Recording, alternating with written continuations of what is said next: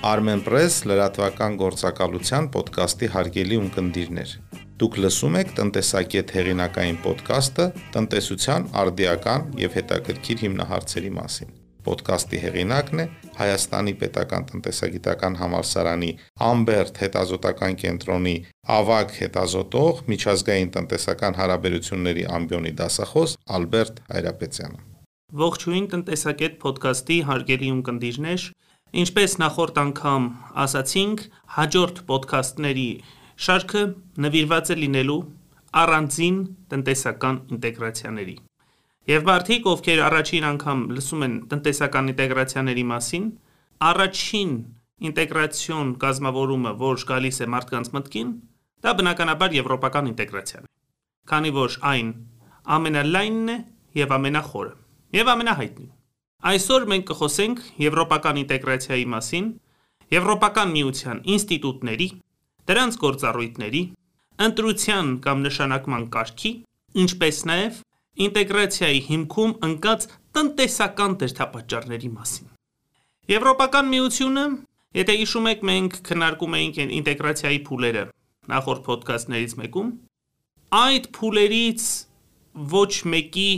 հիման վրա չի առաջացել, այլ ճյուղային ինտեգրացիայի հիման վրա է առաջացել։ Հետպատերազմական շրջան Եվրոպա պետք էր կանխել գերմանական հնարավոր ռևանշիզմը եւ այդ ժամանակահատվածում ածուխը եւ պողպատը ռազմաարդյունաբերության էլիքսիրի դերն էին կատարում։ Եվ կային վիճելի տարածքներ Ֆրանսիայի եւ Գերմանիայի միջև։ Որոշեցին ածխի եւ պողպատի ոլորտում սուվերենությունը զիջել վերազգային մարմիններին։ Եվ Ժան Մոնեն դարձավ այդ ածխի եւ պողպատի Եվրոպական հանձնաժողովի առաջին նախագահը, որը ածխի եւ պողպատի Եվրոպական համաձայնագրի հիման վրա ստեղծվեց։ Այն ժամանակ էլ սկիզբ դրվեցին ներկայիս Եվրոպական միության ինստիտուցիոնալ համակարգի առաջին ծիլերը։ Խորհրդարան ձևավորվեց, որը սոսկ խորհրդակցական մարմին էր, դատարան ձևավորվեց, որը պետք է հսկեր, որ պայմանագրի կետերը կատարվեին եւ եթե առաջանային որևէ վեճեր, ապա դրանք պետք է լուծվեին այդ դատարանում։ Հետագայում արդեն ինստիտուտները եւ ավելացան, եւ դրանց գործառույթները ավելի շատացան։ Սա ընդհանրապես պատմական հպանցիկ ակնարկ։ Եվ Եվրամիությունը, ինչպես եւ Մոսկվան ու Հռոմը մեկ օրում չեն ձևավորվել, Եվրոպական միությունն էլ այն տեսքը, ինչ տեսքը, որ այսօր ունի, դա մեկ օրվա արգասիկ չէ։ Դա տարիների, տասնամյակների ընթացքում է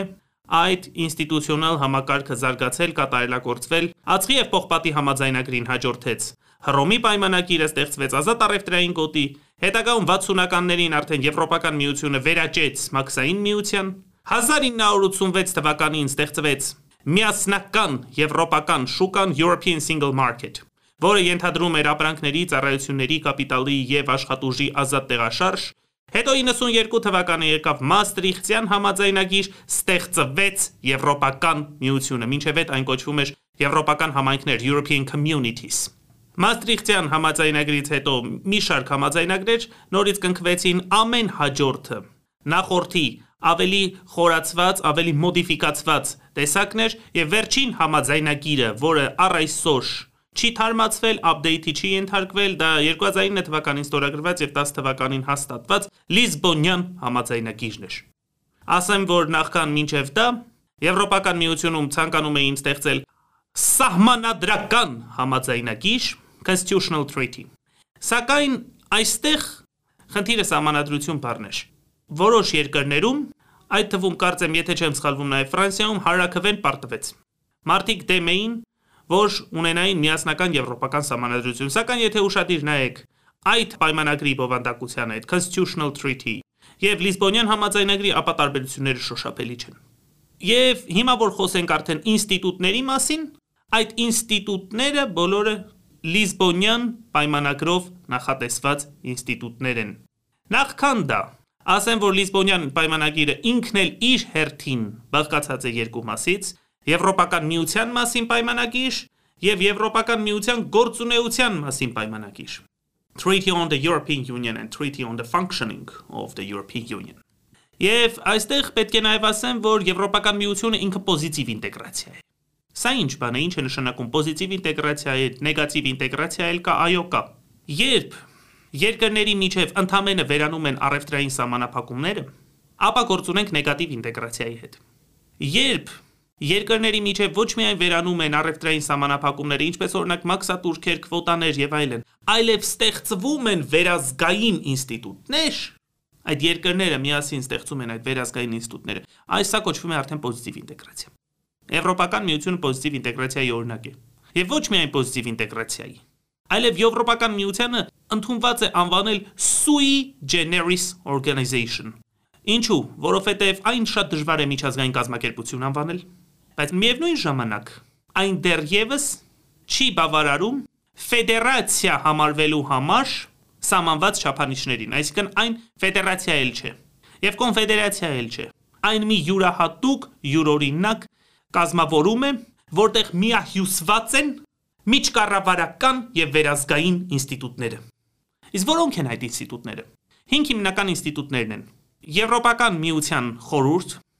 European Council, Եվրոպական միության նախարարների խորհուրդ, Consilium կամ Council, որ ասում են առանձին։ Եվրոպական միության խորհրդարան,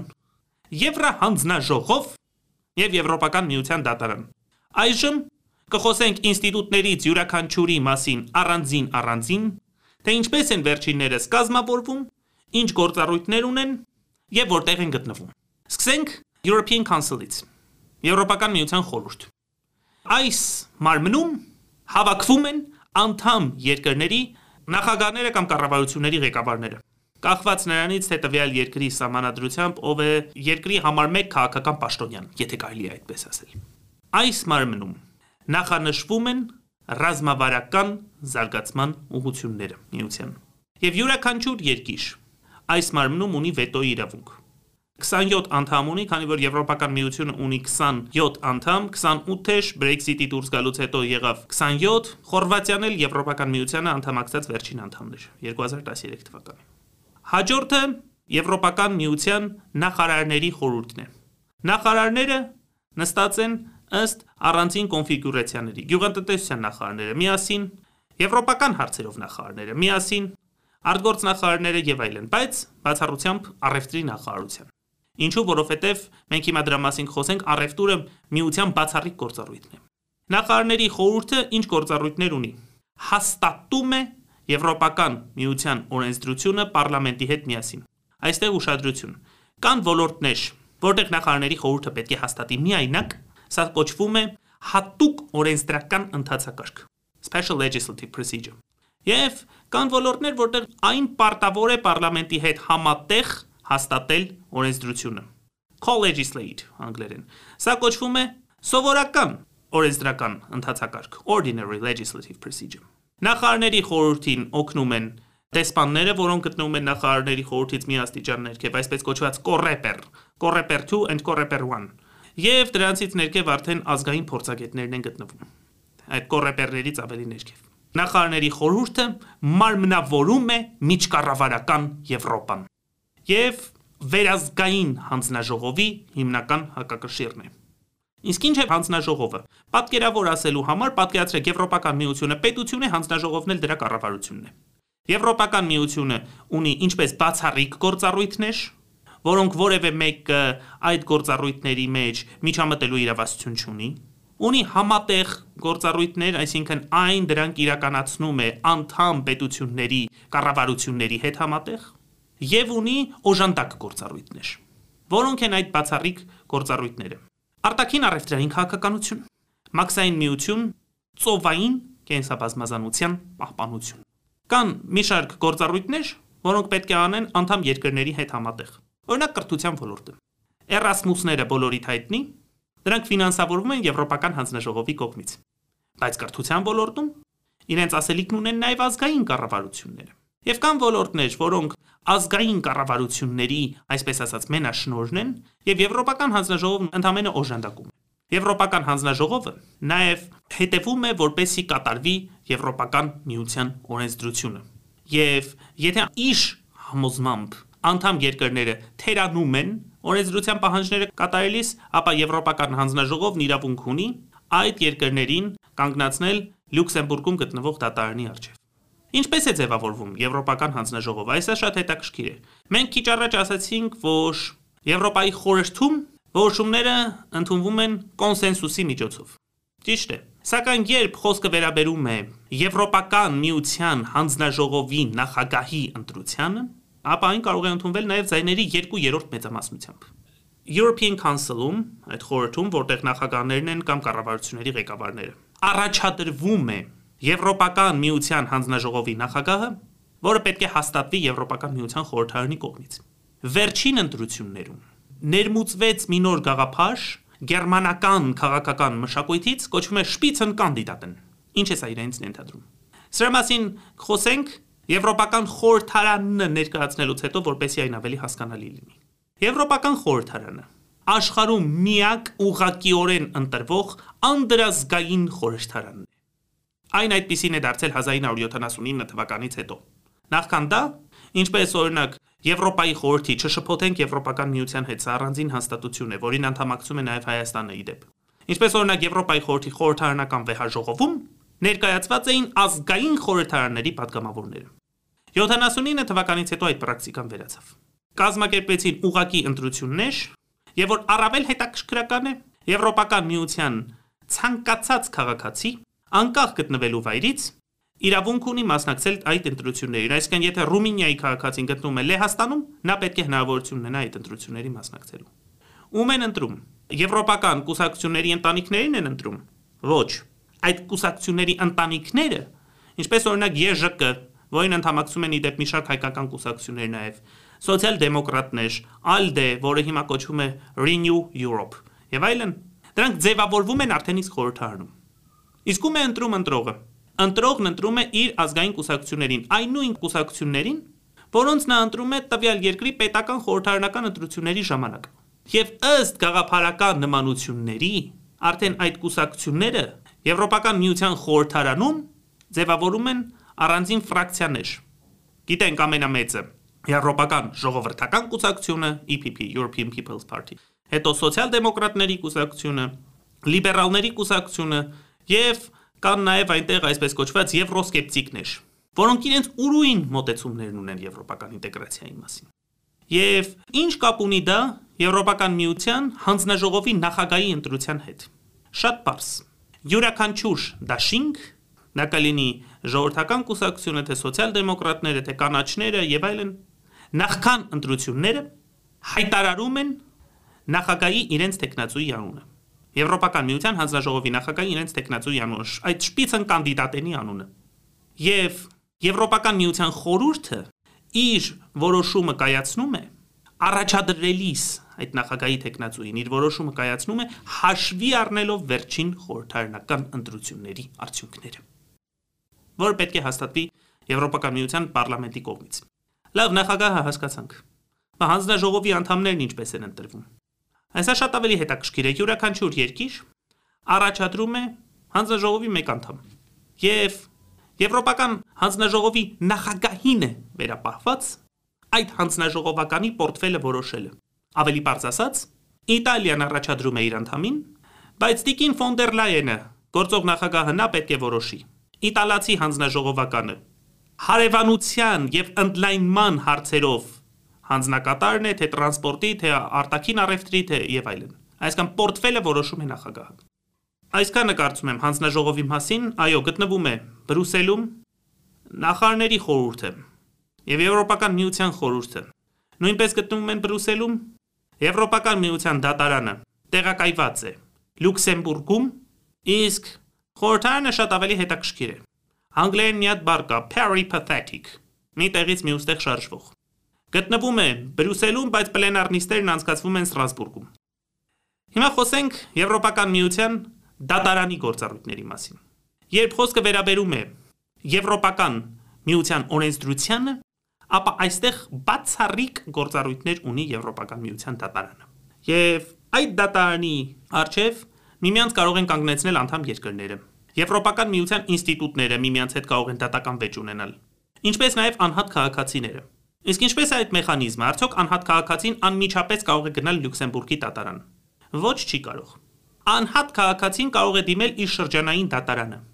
Սակայն երբ որ հարցը վերաբերում է Եվրոպական միության օրենսդրությանը, ապա այդ դատարանը ինքը պարտավոր է դիմել Եվրոպական միության դատարանին կարծիք հարցնելու համար։ Սա կոչվում է procedure of referral։ Refer անգլերեն դիմել բառից։ Եվ այդ շրջանային դատարանը իր որոշումները կայացնելիս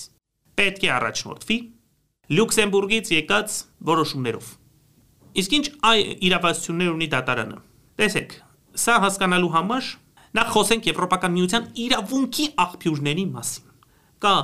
առաջնային իրավունք primary law, երկրորդային իրավունք secondary law եւ case law, այսինքն նախադեպերի հիման վրա ստեղծված։ Երբ ասում ենք առաջնային, դա Եվրոպական միության բոլոր հիմնարար փաստաթղթերն են։ Նույն Լիսբոնյան համաձայնագիրը, ԵՄ-ի անդամակցության համաձայնագրերը, Եվրոպական միության դատարանը առաջնային իրավունքը փոխելու իրավասություն չունի։ Ես հիմա մի հետաքրքիր դեպք կպատմեմ։ Երբ ասում ենք երկրորդային իրավունք, սա բոլոր կարգավորումներն ու կանոնակարգերն են, ինչպես է սրանք ընդունվում։ Մենք գիտենք, որ ազգային խորհրդարաններում Պատգամավորներն ունեն օրենսդրական նախաձեռնությունների իրավունք։ Ոչ միայն պատգամավորները, ֆրակցիաները եւ այլն։ Եվրոպական խորհրդարանը բացառություն է։ Ոչ մի անհատ պատգամավոր օրենսդրական նախաձեռնության առաջարկով հանդես գալու իրավունք չունի։ Այն վերապահված է Եվրոպական միության հանձնաժողովին։ Այսինքն օրենսդրական նախաձեռնությամբ կարող է հանդես գալ Եվրոպական միության հանձնաժողովը, որից հետո, ինչպես արդեն նշեցինք, կախված ոլորտից կամ նախարարների խորհուրդն ու խորհրդարանը այն պետք է հաստատեն համատեղ կամ անհրաժեշտ է միմիայն նախարարների խորհրդի հաստատումը։ Այսինքն Եվրոպական միության խորհրդարանը ինքը հաստատող մարմին է։ Դա կլինի միջազգային պայմանագրեր Եվրոպական միության անունից կնքված, դա կլինի կանոնակարգեր, դա կլինի կարգավորումներ։ Սա երկրորդային իրավունքը։ Միայն նշեմ, որ կանոնակարգերի եւ կարգավորումների միջև կան տարբերություններ։ Կարգավորումները regulations կարող են ուղղակիորեն ցիտվել դատարանի առջև։ Եվ նրանք պետք է ուղղակիորեն մտնեն երկրի օրենսդրության մեջ։ Պետք է ներմուծվեն երկրի օրենսդրության մեջ, շաղախվեն այդ օրենսդրության։ Միջդեռ կանոնակարգերում տրվում են այն շրջանակները, ներկայացված են այն շրջանակները, որոնցում անդամ երկրները պետք է ընդունեն իրենց համապատասխան օրենքները։ Այսինքն այն շրջանակ է։ Այստեղ կա որոշակի հայեցողություն։ Այո, Եվրոպական միության դատարանը կարող է հանձնարարել փոխել այդ երկրորդային իրավունքը։ Եվ նախադեպային իրավունքն էլ ձևավորվում է դատարանի кейսերի հիման վրա։ Եվ եվրոինտեգրացիայի մեջ հսկայական դեր է ունեցել Եվրոպական միության դատարանը։ Ապրանքների փոխադարձ ճանաչումը, այսինքն եթե ապրանքը մի երկրում համարվում է լիկյոր, անկախ նրանից թե մյուս երկրի չափանիշներն ինչպիսին են, այն չի կարող համարվել գինի, այն պետք է համարվել լիկյոր, դա գալիս է Cassis de Dijon, Եվրոպական միության դատարանի նախադեպային որոշումից։ Ապրանքների փոխադարձ ճանաչում ինչը ել ավելի կոնսոլիդացրեց միասնական շուկան։ Երկրորդը, երկրորդ կարևորագույն նախադեպային որոշումը Եվրոպական միության դատարանի որոշմամբ Եվրոպական օրենքը նախապատվություն պետք է ունենա ազգային օրենքի նկատմամբ։ Այն ավելի բարձր է։ Եվ այս պարագայում ամեն հաջորդ օրենքը փոխում է նախորդը, տրամաբանությունը չի գործում։ Այդ լատիներեն եթե ասենք lex posterior derogat legi priori։ Պետությունը չի կարող օրենք ընդունել, ասելով, որ ահա տեսեք, իմ ընդունած օրենքը, իմ խորհրդարանի կողմից ընդունված օրենքը ընդունվել է շատ ավելի ուշ, քան ԵՄ-ի կողմից ընդունված օրենքը, ուստի այն ավելի մեծ կշիռ ունի եւ նրան պետք է հողմանել ոչ։ Այլապես կխաթարվեշ միասնական իրավական դաշտը։ Եվ վերջապես երրորդը։ ԵՄ օրենքները ուղղակիորեն կարող են ցիտվել ազգային դատարանների առաջ։ Մենք արդեն խոսեցինք referral այդ գործընթացի մասին։ Սրանք 3 կարևորագույն նախադեպային որոշումներն էին։ Բայց ինչպես արդեն նշեցինք, մայր օրենքը, ինչպես օրինակ անդամակցության մասին պայմանագրերը, Եվրոպական միության դատարանը, նա կոչվում է Court of Justice of the European Union։ Եվրոպական միության արտադրության դատարան փոխելու կամ փոխել հանձնարարելու իրավասություն չունի։ Եւ մի հետաքրքիր դեպք տեղի ունեցավ Ջիբրալթարում, որը գիտեք, վիճելի տարածք է Իսպանիայի եւ Միացյալ Թագավորության միջև, ըստ Միացյալ Թագավորության ԵՄ-ի անդամակցության Ջիբրալթարի քաղաքացիները Եվրոպական միության ընտրություններում քվեարկելու իրավունք չունեն։ Այն հակասում է Եվրոպական միության արժեքներին, օրենքներին եւ սովորույթներին։ Սակայն Եվրոպական միության դատարանը անզոր էր։ Այդ հարցը լուծվեց Մարդու իրավունքների Եվրոպական դատարանում։ Վերջինիս համար այդ Անգլիայի անդամակցության համաձայնագիրը կամ Մեծ Բրիտանիայի անդամակցության համաձայնագիրը ոչ ավելին է, քան միջկառավարական համաձայնագիր, որը պատվիրեց փոխել այն։ Եվ Ջիբրալթարի այդ մի քանի տասնյակ հազար քաղաքացիները հնարավորություն ստացան մասնակցելու Եվրոպական միության ընտրություններին։ Քեյսը կոչվում է Matthews case, այդպես է հայտնի։ Եվ այստեղ մի հետաքրքիր բան եմ ասեմ, որ Եվրոպական միության դատարանը այդուհանդերձ ունի սուվերենություն ԵՄ-ի երկրորդային իրավունքի աղբյուրների վերաբերյալ որոշումներ կամ վճիռներ կայացնելիս։ Մեկ այլ դատարան չի կարող դրանց վերաբերյալ կամ դրանց վավերության վերաբերյալ որևէ որոշում կայացնել։ Մեկ այլ կարևորագույն ինստիտուտի մասին խոսենք՝ Եվրոպական միության կենտրոնական բանկը։ Տեղակայված է Գերմանիայի Ֆրանկֆուրտ քաղաքում։ Այս մարմնին վերապահված է Եվրագոտու երկրների միասնական արժույթի Եվրոյի թողարկումը։ Ինչու Եվրագոտու ոչ թե Եվրոպական միության, քանի որ Եվրոպական միության ոչ բոլոր երկրներն են Եվրագոտու անդամ։ 27 երկրներից Եվրագոտու անդամ են ընդամենը 19։ Լեհաստանը օրինակ պահպանել է իր ազգային արժույթը զլոտի, Հունգարիան ֆորինտ, Չեխիան կրոն եւ այլն։ Եվրոպական կենտրոնական բանկի լիազորությունները հետս հետե ընդհարցակվել են եւ այն իրավասություններ ունի նաեւ անդրազգային գործունեություն ծավալող բանկերի եւ ֆինանսական կազմակերպությունների գործունեությունը կարգավորելիս։ Իրականացնում է Եվրոպական միության դրամավարկային քաղաքականություն։ Կան նաև երկրորդային ինստիտուտներ, ինչպես օրինակ աուդիտորների դատարանը, որը հետևում է, որ Եվրոպական միության բյուջեն ծախսվի պատշաճ, չլինեն չարաշահումներ, կա Եվրոպական միության համայնքների միությունը եւ տնտեսական եւ սոցիալական կոմիտեն Economic and Social Committee and Committee of the Regions։ Սրանք երկրորդային ինստիտուտներ են։ Օրինակ համայնքների այդ կոմիտեում հավաքվում են անդամ երկրների մեծ ու փոքր տեղական համայնքների ղեկավարներ։ Տնտեսական եւ սոցիալական այդ կոմիտեն մի հարթակ է Եվրոպական միության տարբեր ոլորտներ ներկայացնող բիզնեսմենների մեկտեղման համար։ Կարծում եմ այսքանը Եվրոպական միության մասին հուսամ հետաքրքիր էր։ Իսկ հետագա մեր ոդքասթերին ել ավելի մանրամասն հաջորդ ոդքասթին կխոսենք եվրոպական ինտեգրացիայի մասին, վերջինիս հիմքում ընկած տնտեսական գործոնների մասին, ինչպես նաև Եվրոպական միության ունեցած առանձին գործառույթների մասին։ Շնորհակալություն ուշադրության համար։ Դուք լսեցիք տնտեսագետ հետազոտող Ալբերտ Հայրապետյանի հեղինակային տնտեսագետը։